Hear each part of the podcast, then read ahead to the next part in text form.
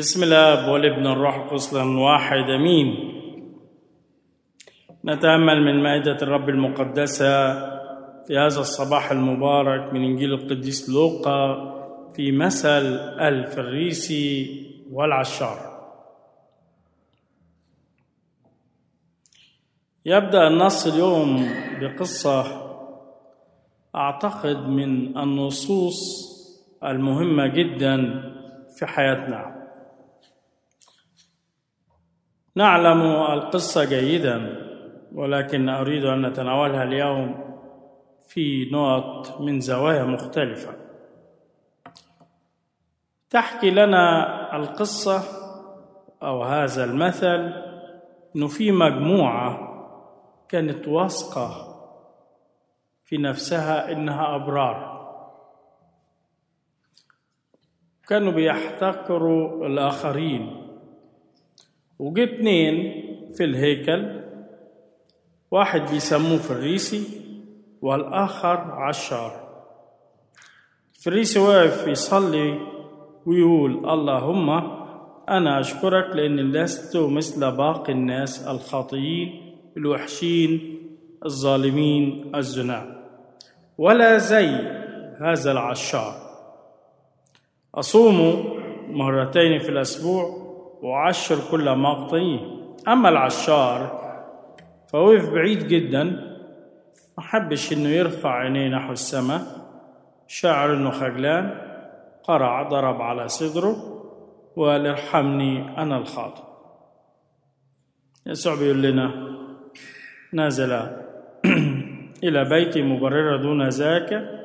واحد خد التبرير. والثاني اللي كان نفسه فاكر إنه فوق وصل أن يكون تحت.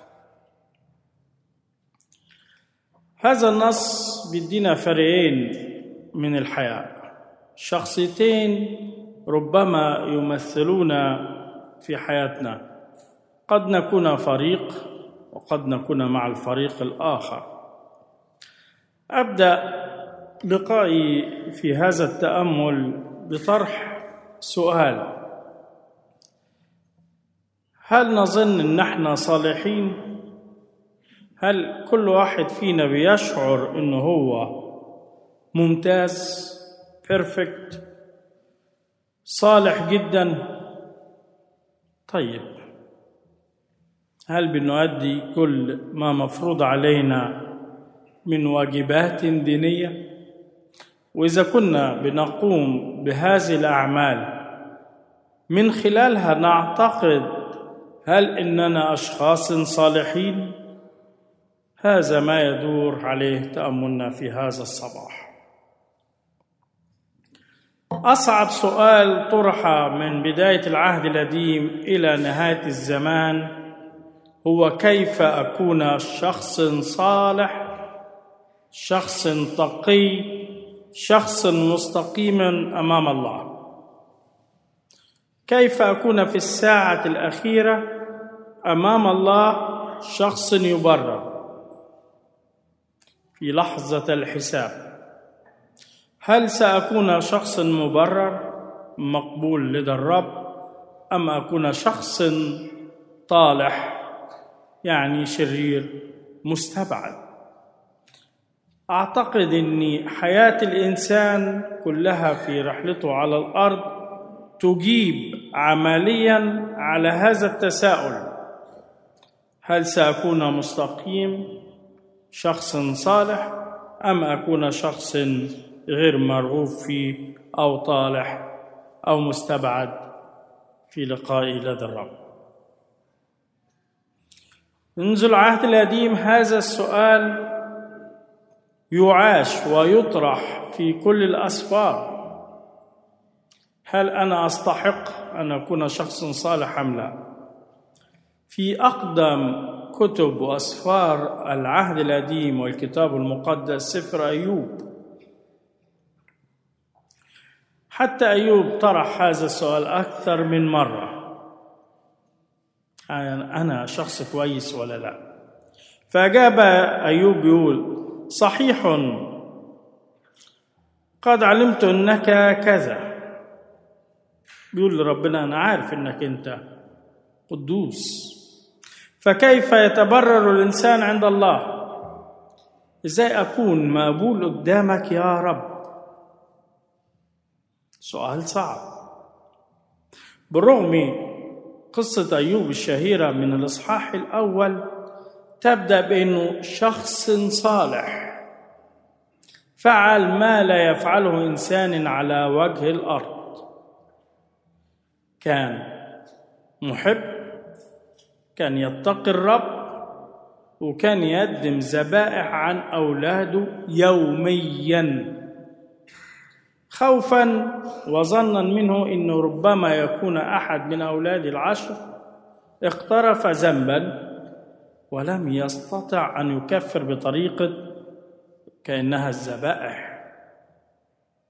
فكان أيوب تقي مش بس عن نفسه وكان عن اولاده كمان. فإذا هذا النموذج الرائع في العهد القديم هذا الشخص اللي بيقول عنه الكتاب تقي لدرجة أن الشيطان أراد أن يشوه صورة أيوب أمام الرب. وسمح له الرب أن يجرب أيوب. إذا أيوب بهذا الصلاح طرح نفس السؤال كيف تبرر قدامك يا رب؟ فما بالأحرى علينا أن نطرح هذا السؤال يوميا في تحديات الحياة. في موقع آخر في سفر أيوب 25 يقول لنا فكيف يتبرر الإنسان عند الله وكيف يزكو مولود المرأة. إزاي يكون الطفل ده أو الإنسان من هو صغير لغاية ما يكون كبر شخص له امتياز نقي قدام الرب. أعتقد صعب هذا السؤال. في سفر المزامير أيضا طرح هذه الأطروحة وقال ولا تدخل في المحاكمة مع عبدك فإنه لن يتبرر قدامك حي. كاتب سفر المزامير بيقول يا رب ما تخليناش نكون قدامك في ساعة المحاكمة. إحنا ما نقدرش نتحاجج معاك. ولا واحد فينا صالح لا أحد فينا يستطيع أن يتبرر قدامك. ولا عبد.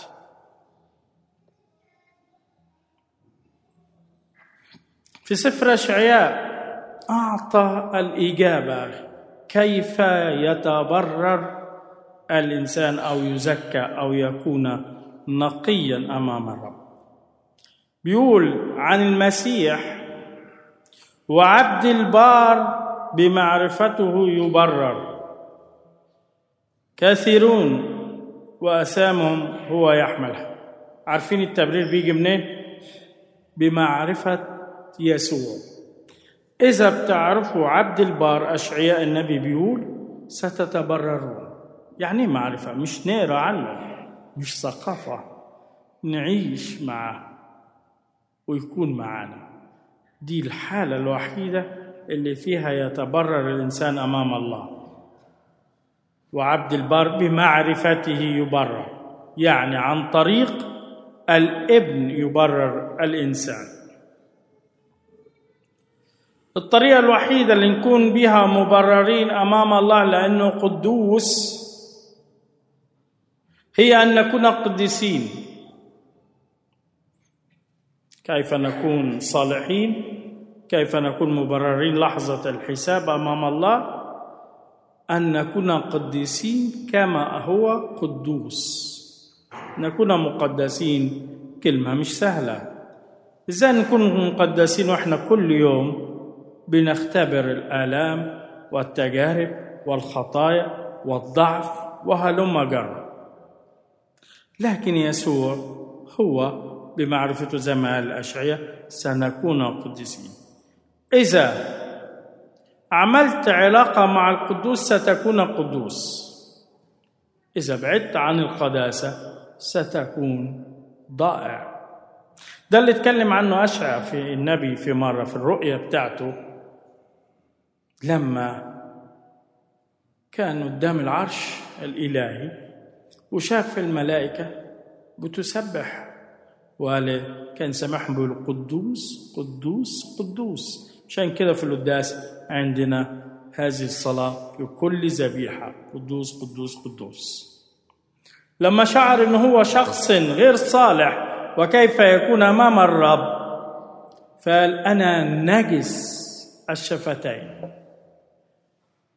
فبيجي ملاك مع جمرة نار بيضعها على شفايف أشعياء بيقول له أنت بالمعنى تبررت لأنك أمام هذا العرش أصبحت في مرحلة القدس. أنا خاطئ الله أعطى لك نعمة أنك تبرر. في مزامير مزمور 32 أيضا يقول لنا كيف نكون قديسين؟ دي روشتة طوبى للذي غفر اسمه وسترت خطيته. طوبى للذي غفر اثمه يعني خطيته وسترت. إزاي؟ علاج واحد بس. الاعتراف بالخطايا عايز تكون قدوس؟ تشيل الخطية. تمسحها. كيف أمسحها؟ علاج واحد فقط. أعترف إن أنا خاطئ. أتصالح مع الرب وأقول له أنا خاطئ. طوبى لرجل لا يحسب له الرب خطيئة ولا في روحه غش. إن الرب يدينا هذه النعمة دي نعمة كبيرة. في مزمور 51 أستر وجهك عن خطاياي وامحو كل آثامي ده إمتى يكون كل المزامير دي والكلمات دي؟ لما أعترف ان أنا شخص خاطئ. لكن لو أنا متعجرف وفاكر نفسي صالح وكامل أعتقد كلمات المزمور لا تنطبق علينا. والله لا يحجب وجهه علينا بل سيحاسبني مباشرة. كانوا يعتقدون في العهد القديم بالتقديمات إنهم يتبررون بتقديم الذبائح اليوميه يتبررون والتقديمات كانت رمز عن الموت البديل. كل ذبيحة هي كانت رمز عن بديل. الذبيحة الوحيدة المرضية أمام الله هي الحمل نفسه أي المسيح. كل ذبائح البشر كانت تكفير على إنهم بيقولوا إحنا خطأ. عشان كده كان الرب يقبل الذبائح ويعطيهم النعمة يبرروا. كانت بديل عن الخطايا. هناك موت. لما بقول أنا خاطئ بقول أنا بموت عن الخطية دي. احييني يا رب بالتبرير. أي بالنعمة اللي هتديها قصة النهاردة هي بتعطينا مفتاح للفريقين في شخص عايز يقول أنا كامل وهو غير كامل وفي شخص بيقول أنا خاطئ. فيكون من قبل الله شخص مبرر. انتبهوا للقصة دي. يسوع لما ضرب المثل خاطب مجموعة بيقول له إيه؟ ويقول لنا كانوا واقفين. وهم واقفين كانوا معتقدين إنهم أفضل من الباقيين أشخاص مغرورون. عشان كده إنجيل متى بيقول لنا كونوا أنتم كاملين كما أن أباكم الذي في السماوات هو كامل. لما ذهب يسوع وأعطى المثل كان الفريق الموجود اوريدي اللي هو الفريسيين اللي فاكر نفسه إنه مكرس وأفضل من الآخرين كان معتقد إنه هو كامل. أحلى نص ينطبق مع موضوع النهارده في الفريسي والعشار مثل الشاب الغني. الشاب الغني في العهد الجديد بيعطينا صورة الشاب الصالح زي العهد القديم أيوب الصالح. في العهد الجديد بنشوف كان هناك شاب صالح. وبيروح مرة ليسوع وبيقول له عايز أكون في الحياة الأبدية بيقول له عشان تدخل الحياة الأبدية احفظ الوصايا يعني عيش الوصايا افعلها. بيقول له كل ده تعلمته من أنا وصغير. هنيئا للأسرة اللي علمت الشاب ده من هو صغير أن يكون صالح. قال له ممتاز. لكن لسه في جزئية تانية محتاج تكملها لهذا الصلاح. إيه هي؟ أن تكون كاملا يعني أن تكون قدوس أن تكون مقدس. إزاي أكون مقدس؟ أنا بفعل كل الوصايا. ما بقتلش ما بشتمش وما بحلفش وما بزنيش ومش بسرق. و و و قال له مش بس دول. إيه تاني؟ إن أردت أن تكون كاملا اذهب وبع أملاكك واعطي الفقراء. الناس تقول النص ده متعب. طب أنا لو عملت كل حاجة كويسة يسوع هيقول لي زي هذا الشاب فلس. أعطي كل ما تملك للآخرين وكون أنت مفلس. يسوع عايزني أكون بهذا الشكل؟ لا. لم يقصد يسوع أن تكون شخص فقير حتى أن تدخل الملكوت.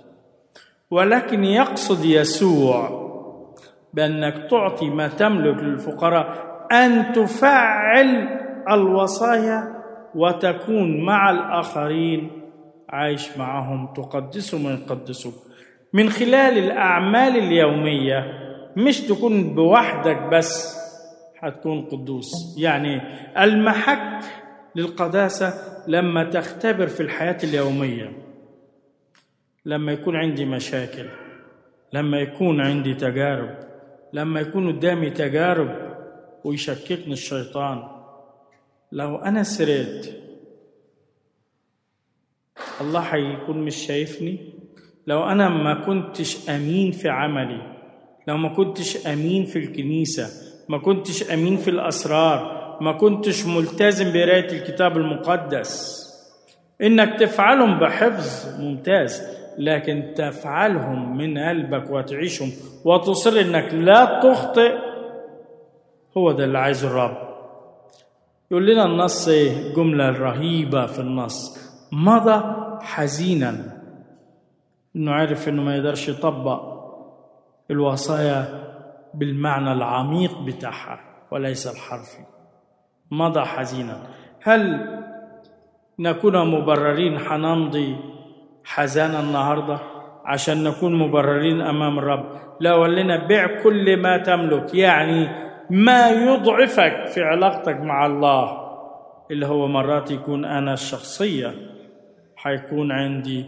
مش قادر. كل حاجة أقدر أعملها ليك يا رب بس سيب لي النقطة دي لسه دي بتاعتي مش قادر أفكها.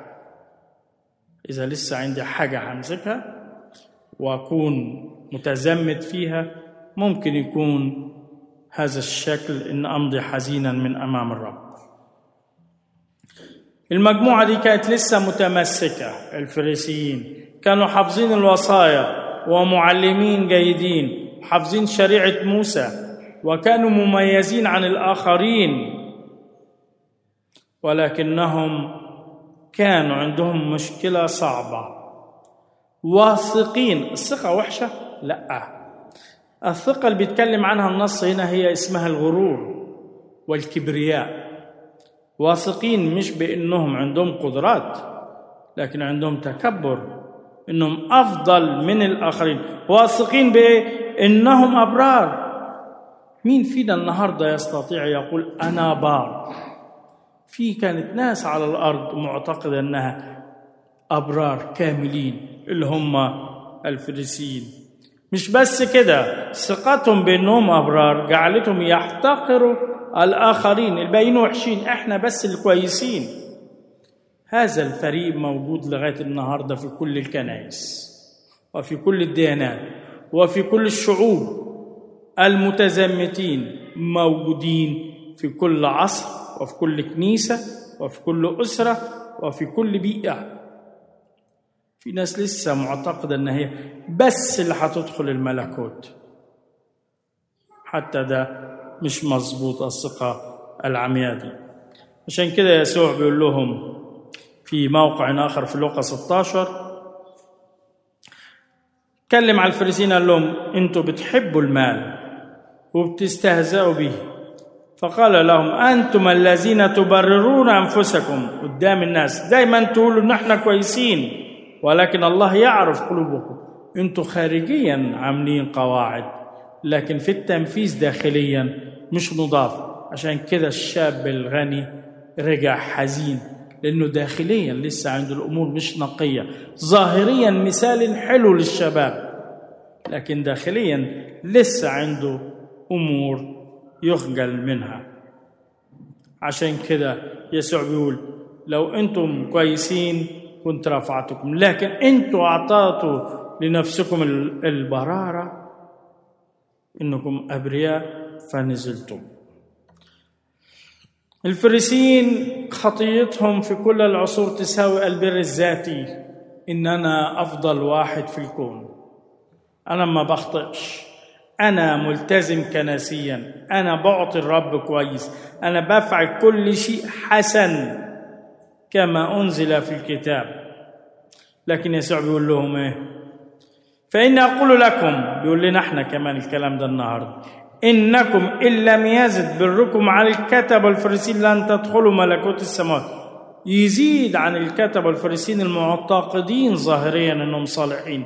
لكن أنا عايزكم حتى داخليا تكونوا صالحين مش بس الخارجين لو ما كنتوش أكتر حتى من البر الظاهري للكتب والفريسيين هتكون عندكم الخطية. عايزكم تكونوا قديسين.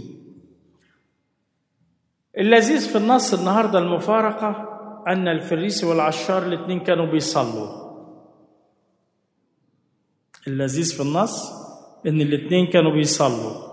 يعني الاثنين بيعملوا تقوى. كلنا بنعمل تقوى بنصلي.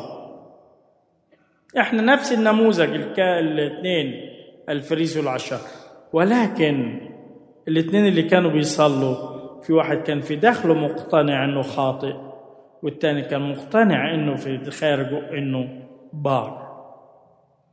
عشان كده ما لا ننخدع ولا نخدع أنفسنا إذا كنا نفعل أعمال رحمة ولكن في داخلنا لسه عندنا مشاكل. عشان كده النهارده حصنف هذا النص باسم مهم جدا. ازدراء. يعني إيه ازدراء؟ إن أنا بأنكر الآخر. أنا بس الكويس. وزاد هذا المصطلح في عصورنا الحديثة ازدراء للأديان. اللي هو ازدراء للأشخاص. يعني إيه ازدراء للأديان وللأشخاص؟ الفريسي بيزدري يعني بيقول اللي جنبي ده لا شيء. على فكرة ده أنا اللي بعمل كذا وكذا وكذا وهو بيخطئ كذا وكذا وكذا. ما زال في عصرنا ناس تعتقد إنها هي اللي ماسكة الملكوت وماسكة الشريعة وماسكة الإلهيات في كل الديانات. اوعوا تعتقد إنه بس ده خارج المسيحية. هنخطئ. هنعرف البر الذاتي. لو افتكرنا إن غير المسيحيين بس اللي عندهم خطيط الإزدراء هنكون زي الفريسي والعشار. الاثنين بيصلوا. بس ممكن إحنا الاثنين كمان نكون زي الفريسي صلاتنا إحنا مقبولة. التانيين صلاتهم خاطئة. صومنا إحنا مقبول. صوم التانيين وحش. طريقة وشنا للهيكل وظهرنا للهيكل. وهلم جرة لبسنا حشم أو مش حشم. عاداتنا كويسة ولا مش كويسة؟ بنلتزم بطريقة معينة ولا لا؟ ألحاننا مختلفة ولا لا؟ نفس الحكاية ازدراء للدين. ان أنا بقول التاني دايما وحش. مش مسؤوليتك إن التاني وحش. مسؤوليتك إن لو أنت معتقد إن التاني سيء تجذبه ليك ليسوع ولو انت كويس كان خد منك ولكن مش بكلماتك عنه إنه هو وحش. عايز تكون برافو ممتاز جدع. ما تهلكش الآخرين. ما تصنفهمش في مقياس أن أنا الكامل وكلهم خطأ ووحشين ومش هيدخلوا باب السماوات. لو أنت صح نموذج كويس هينجذبوا ليك وهيروا آباك السماء فيك. فالنهاردة مرات كلنا بنحكم على أشخاص بأنهم سيئين وبنقول إنهم لا شيء عارفين بنعمل إيه؟ نحتقرهم. كم من مرة رحنا نتصالح مع الرب في سر الاعتراف والمصالحة وقلت أنا احتقرت ناس. وقلت عليها دي خطأ. وأنا كنت كويس. لو شفت أعمال لناس جنبي بعمل. دايما إشاعات عنهم دول وحشين وحشين وبتكلم عنهم. هو ده ازدراء. يعني أنا بقول أنا كويس وبحتقر التاني. لو احتقرت التاني أنت وقعت في خطية الفريسي الذي يتكلم عنه يسوع ده نزل تحت. هو رفع نفسه قدام الناس لكن قدام الله أصبح نكرة. واللي كان ورا خالص في آخر الكنيسة ورا معتقد إنه هو خاطئ قدام الرب قبله ما يقبلش إلا عظم نفسه. عشان كده النهاردة الفريسي والعشار نموذج لنا. هل أنا فريق الفريسي أم فريق العشار؟ مش العشار حلو في ذاته إنه خاطئ. ولكن اعترف قدام الرب. ولكن اللي كان فاكر نفسه بار وكامل وما بيعترفش قدام الرب أصبح مذنب أمام الرب. أطرح عليكم سؤال آخر أنهي به العظة. إذا أنا بار مش محتاج التوبة؟ إذا أنا بار مش محتاج الاعتراف والمصالحة؟ في كل كنايسنا التقليدية اختفى مشروع ناس تتصالح مع الرب في سر الاعتراف. وكأنه أصبح سر الاعتراف للناس الكبيرة أو العجوزة أو المعتقدة أنها خايفة من الرب. والباقيين تسعة وتسعين وتسعة من عشرة في المية في الكنايس بيصلوا بس وممكن يكونوا في الصفوف الأولى في الكنايس لكن مشروع سر المصالحة ما بروحلوش. بنصلي بس وبنذهب أول ناس في سر الإفخارستية في المناولة. في الطابور أول ناس كلنا أوتوماتيك بنخرج. لكن ما فيش أوتوماتيك ده عند كرسي المصالحة أو الأعتراف اللي هو مشروع التوبة. نرجع نعمة التوبة والمصالحة مع الرب عشان نكون قديسين. عايز تكون قدوس؟ شيل الخطية اللي عليك. اغتسل من جديد. عيش نعمة المعمودية اللي خدتها. يوم ما اغتسلت تبررت حافظ عليها. ولإلهنا المجد الدائم إلى الأبد. آمين.